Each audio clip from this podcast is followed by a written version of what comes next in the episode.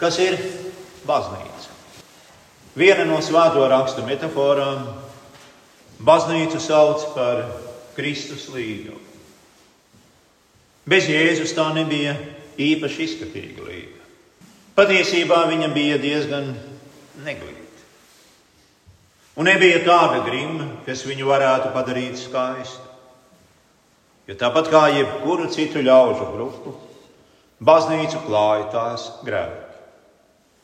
Sakojot savām iegribām un augstprātīgi uzskatot savas jūtas par labā un ļaunā standārtu, tā skrēja no viena grēka uz otru. Turklāt vienmēr vainojot savās kļūdās citus.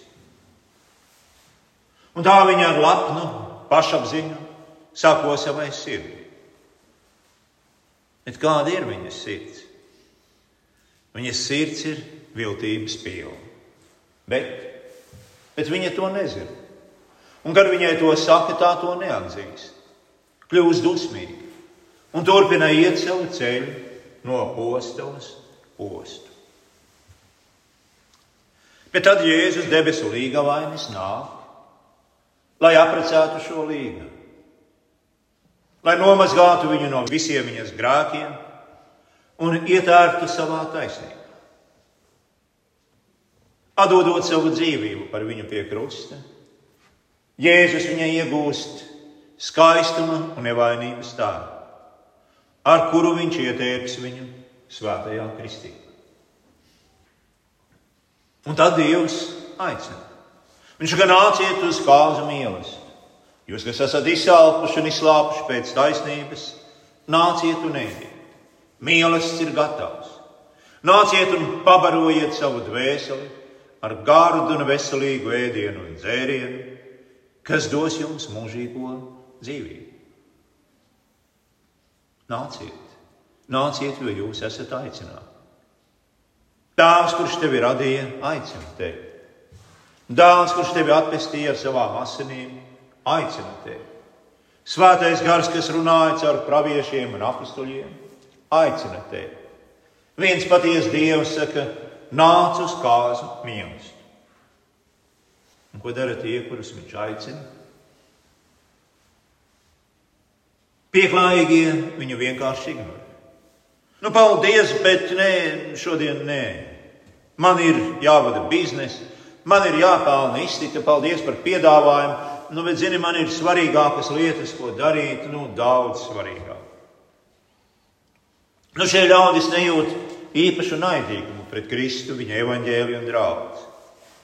Viņiem vienkārši ir vienalga. Dzīvojiet un ļaujiet man dzīvot. Ja vēlaties, nu, darbojieties, ejiet uz baznīcu, bet tas nav priekš man. Man ir svarīgākas lietas, ko darīt arī svētdienas rītā, nekā doties uz baznīcu, lai klausītos kādu tur sprediķošu. Nu, labi, šie ļaudis netiks traucēti. Viņiem evaņģēlijas ir apgrūtinājums, un Dievs ar savu laipnību nevienu apgrūtināt nevēlas. Nu, bet tad ir vēl tādi, kas nav tik pieklājīgi. Dzirdot aicinājumu, viņi kļūst dusmīgi uz Kristu un viņa prasībām un vajā viņa draugus. Viņi vajāja praviešus, nomētājot tos ar akmeņiem. Viņi līdz nāvei vajāja apstuļus, un viņi joprojām ir ar mums šajā pasaulē. Un viņi joprojām kļūst nikni, kad dzird kristiešu apgalvojumu, ka tie zina patiesību par Dievu, par viņa gribu attiecībā uz cilvēku dzīvi un uzvedību, kas ir atklāta viņa bauslībā, un arī par viņa gribu mūsu pestīšanai, kas ir atklāta evaņģēlī. Un īpaši šos ļaudis aizkaitina kristiešu apgalvojums, ka tikai tie, kas piedalās ķēniņa dēla kāzu mīlestībā, var gūt mieru ar Dievu un valdīt mūžīgo dzīvi.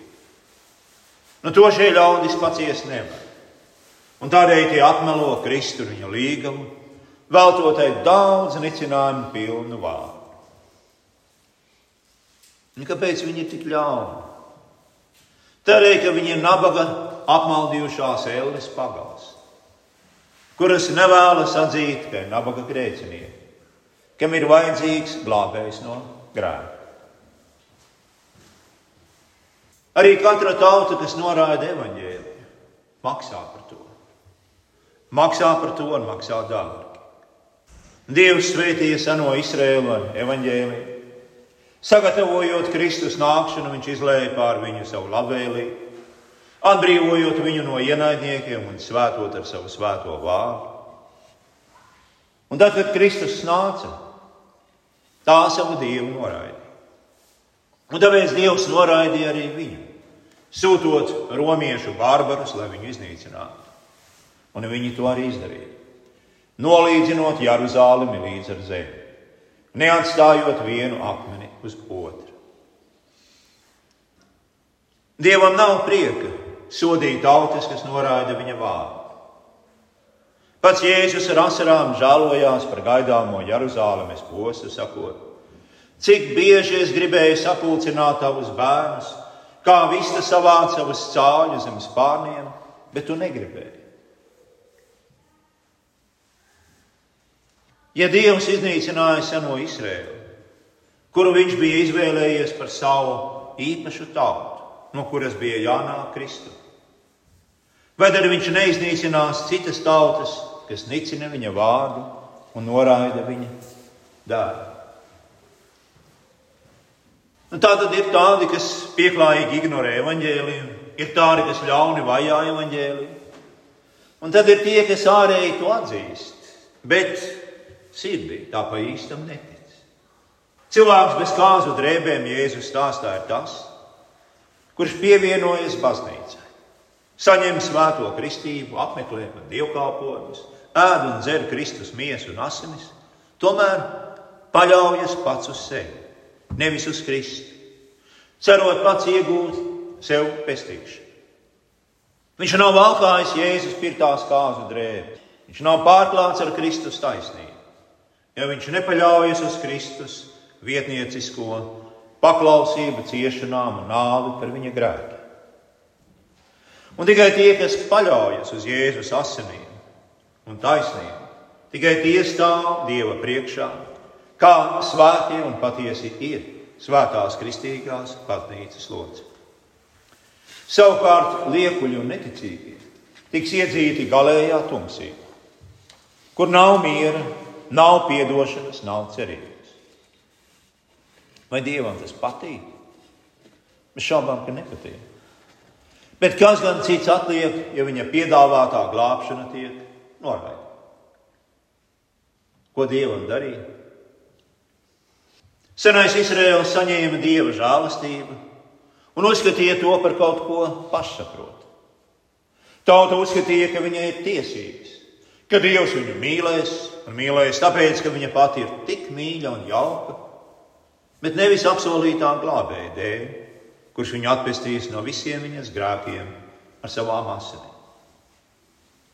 Un vēl jau vairāk, tad, kad viņa ieraudzīja viņu, šo jēzu no nāceretes.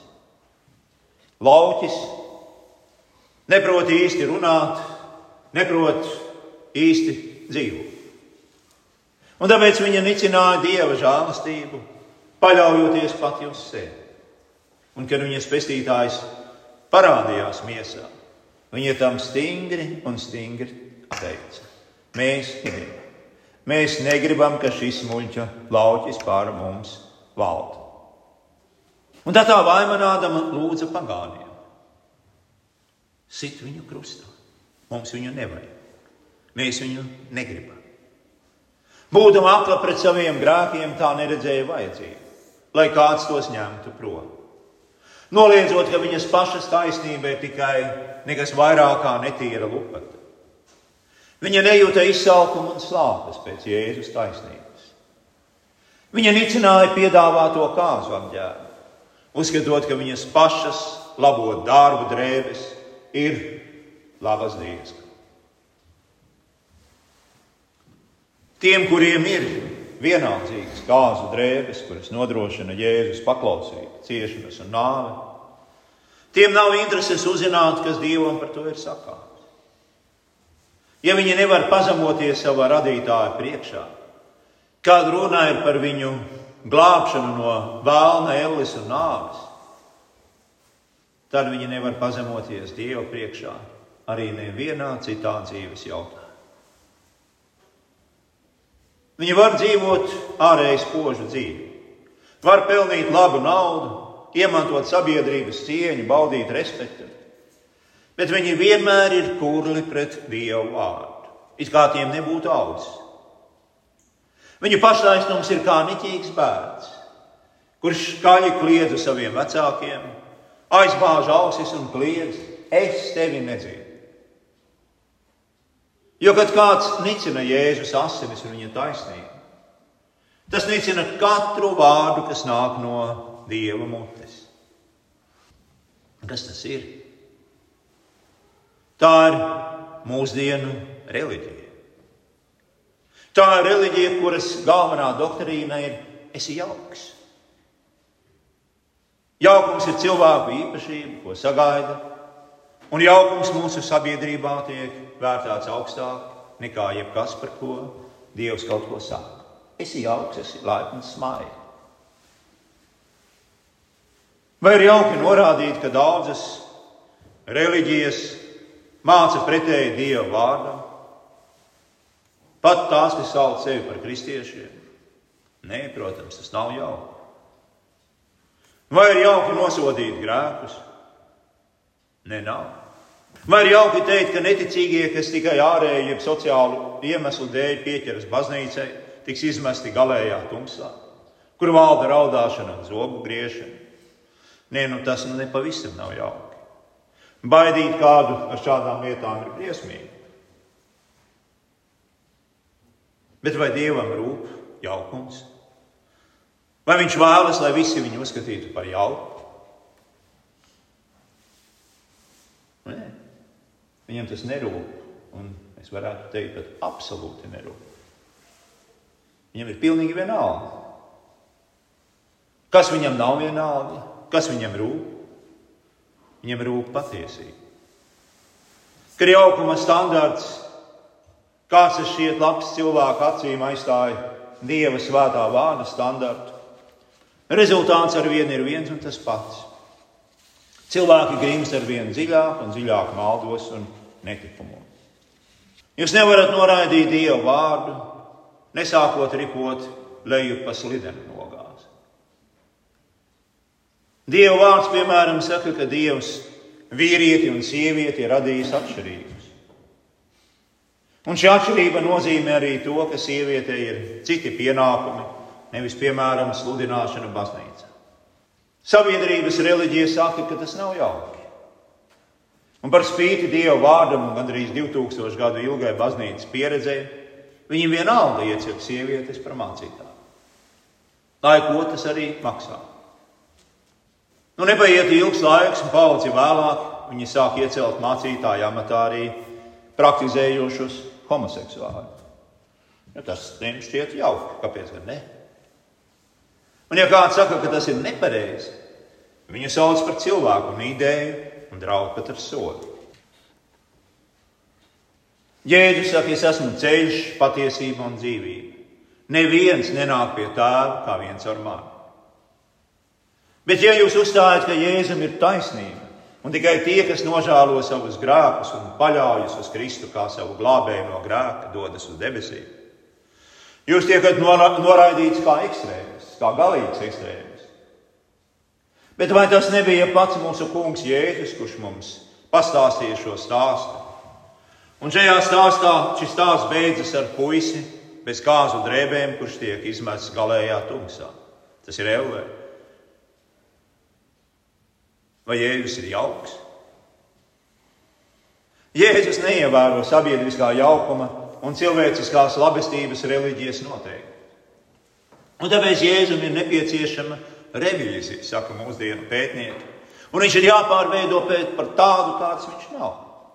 Un tad šis viltus safabricētais Jēzus apstiprinās visu, ko pieprasa jauko ļaužu reliģija.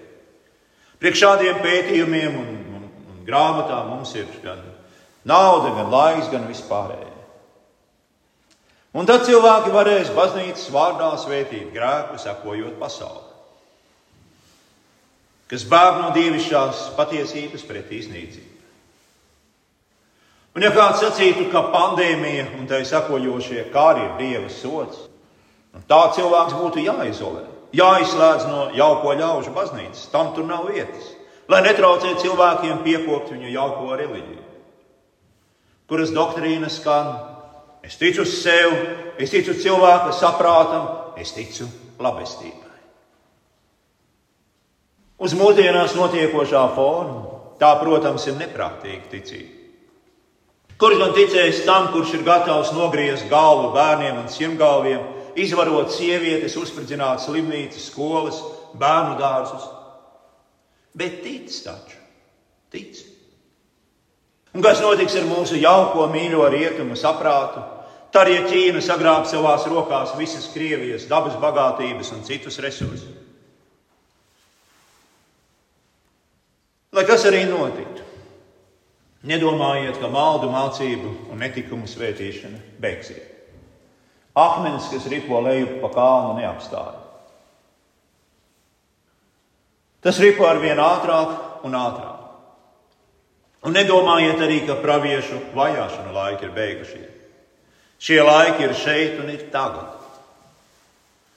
Padomājiet, cik daudz baznīcu vēl ir Eiropā, kas nav būtiskās lietās atteikušies no Dieva vārda un iebilst pret to, brīdināt, nedrīkst. Tas nav jauki. Tas ir pat krimināli sodāms. Vai tas nav pat mūsu kopienas reliģisko noteikumu pārkāpums, kas saka, ka neviens nedrīkst kritizēt nevienu par viņa reliģisko pārliecību? Izņemot tos, kas sludina to, kas ir rakstīts Bībelē. Tie ir vienīgie reliģiskie cilvēki, kas ir jāapkaro visiem iespējamiem līdzekļiem. Bet tie, kas augstu vērtē savas kāzu drēbes, kuras sadz mūsu grēkus un ļauj mums tīriem stāvēt mūsu debesu tēva priekšā, tie lolo arī katru vārdu, ko viņš mums māca. Jo viņa vārdi ir dzīvība. Tās nav kādas reliģiskas doktrīnas un spekulācijas, bet tā ir dzīvība. Dzīvība, kuru Dievs mums dod ar savu vārdu. Un paldies Dievam, ka pasaulē vēl joprojām ir draudzes, kaut arī tās ir mazas, kur mēs kopā ar saviem brāļiem un māsām Kristu varam apliecināt visu Dieva vārdu patiesību. Mūsu vienotība vienam ar otru nav saistīta ar pakļaušanos cilvēciskiem labestības noteikumiem, bet tā ir garīga sadraudzība Kristus evaņģēlī. Mūsu līgumainis Jēzus nāca no debesīm, lai atpiektu mūs ar savām ciešanām un asinīm. Viņš ir samaksājis par katru mūsu grēku. Viņš ir izcietis sodu mūsu vietā. Viņš mūs ir mazgājis baltus ar savu vārdu svētajā kristībā. Un kur citur, lai mēs atrastos svētdienas rītā, ja ne tur, kur Dieva evaņģēlijas un noslēpumi tiek dāvāti visā patiesībā un šķīstībā kur grēku piedošana kā visizcilākā barība, kas baudāma šajā pasaulē, tiek likta mums. Un kāds gan vēl lielāks dārgums mums var būt šajā dzīvē? Ja ne mūsu mīļā, dārgā kunga Jēzus evaņģēlijas, kas dod mums visu mūsu grēku piedošanu, padara mūs par svētajiem un ved uz debesīm, uz mūžīgu dzīvi jaunā pasaulē. Tad, nu, lūk, Dievs ir aicinājis tevi uz sava dēla kāzu mīlestību. Dievs pats tevi ir izredzējis un ietērpis savā taisnībā.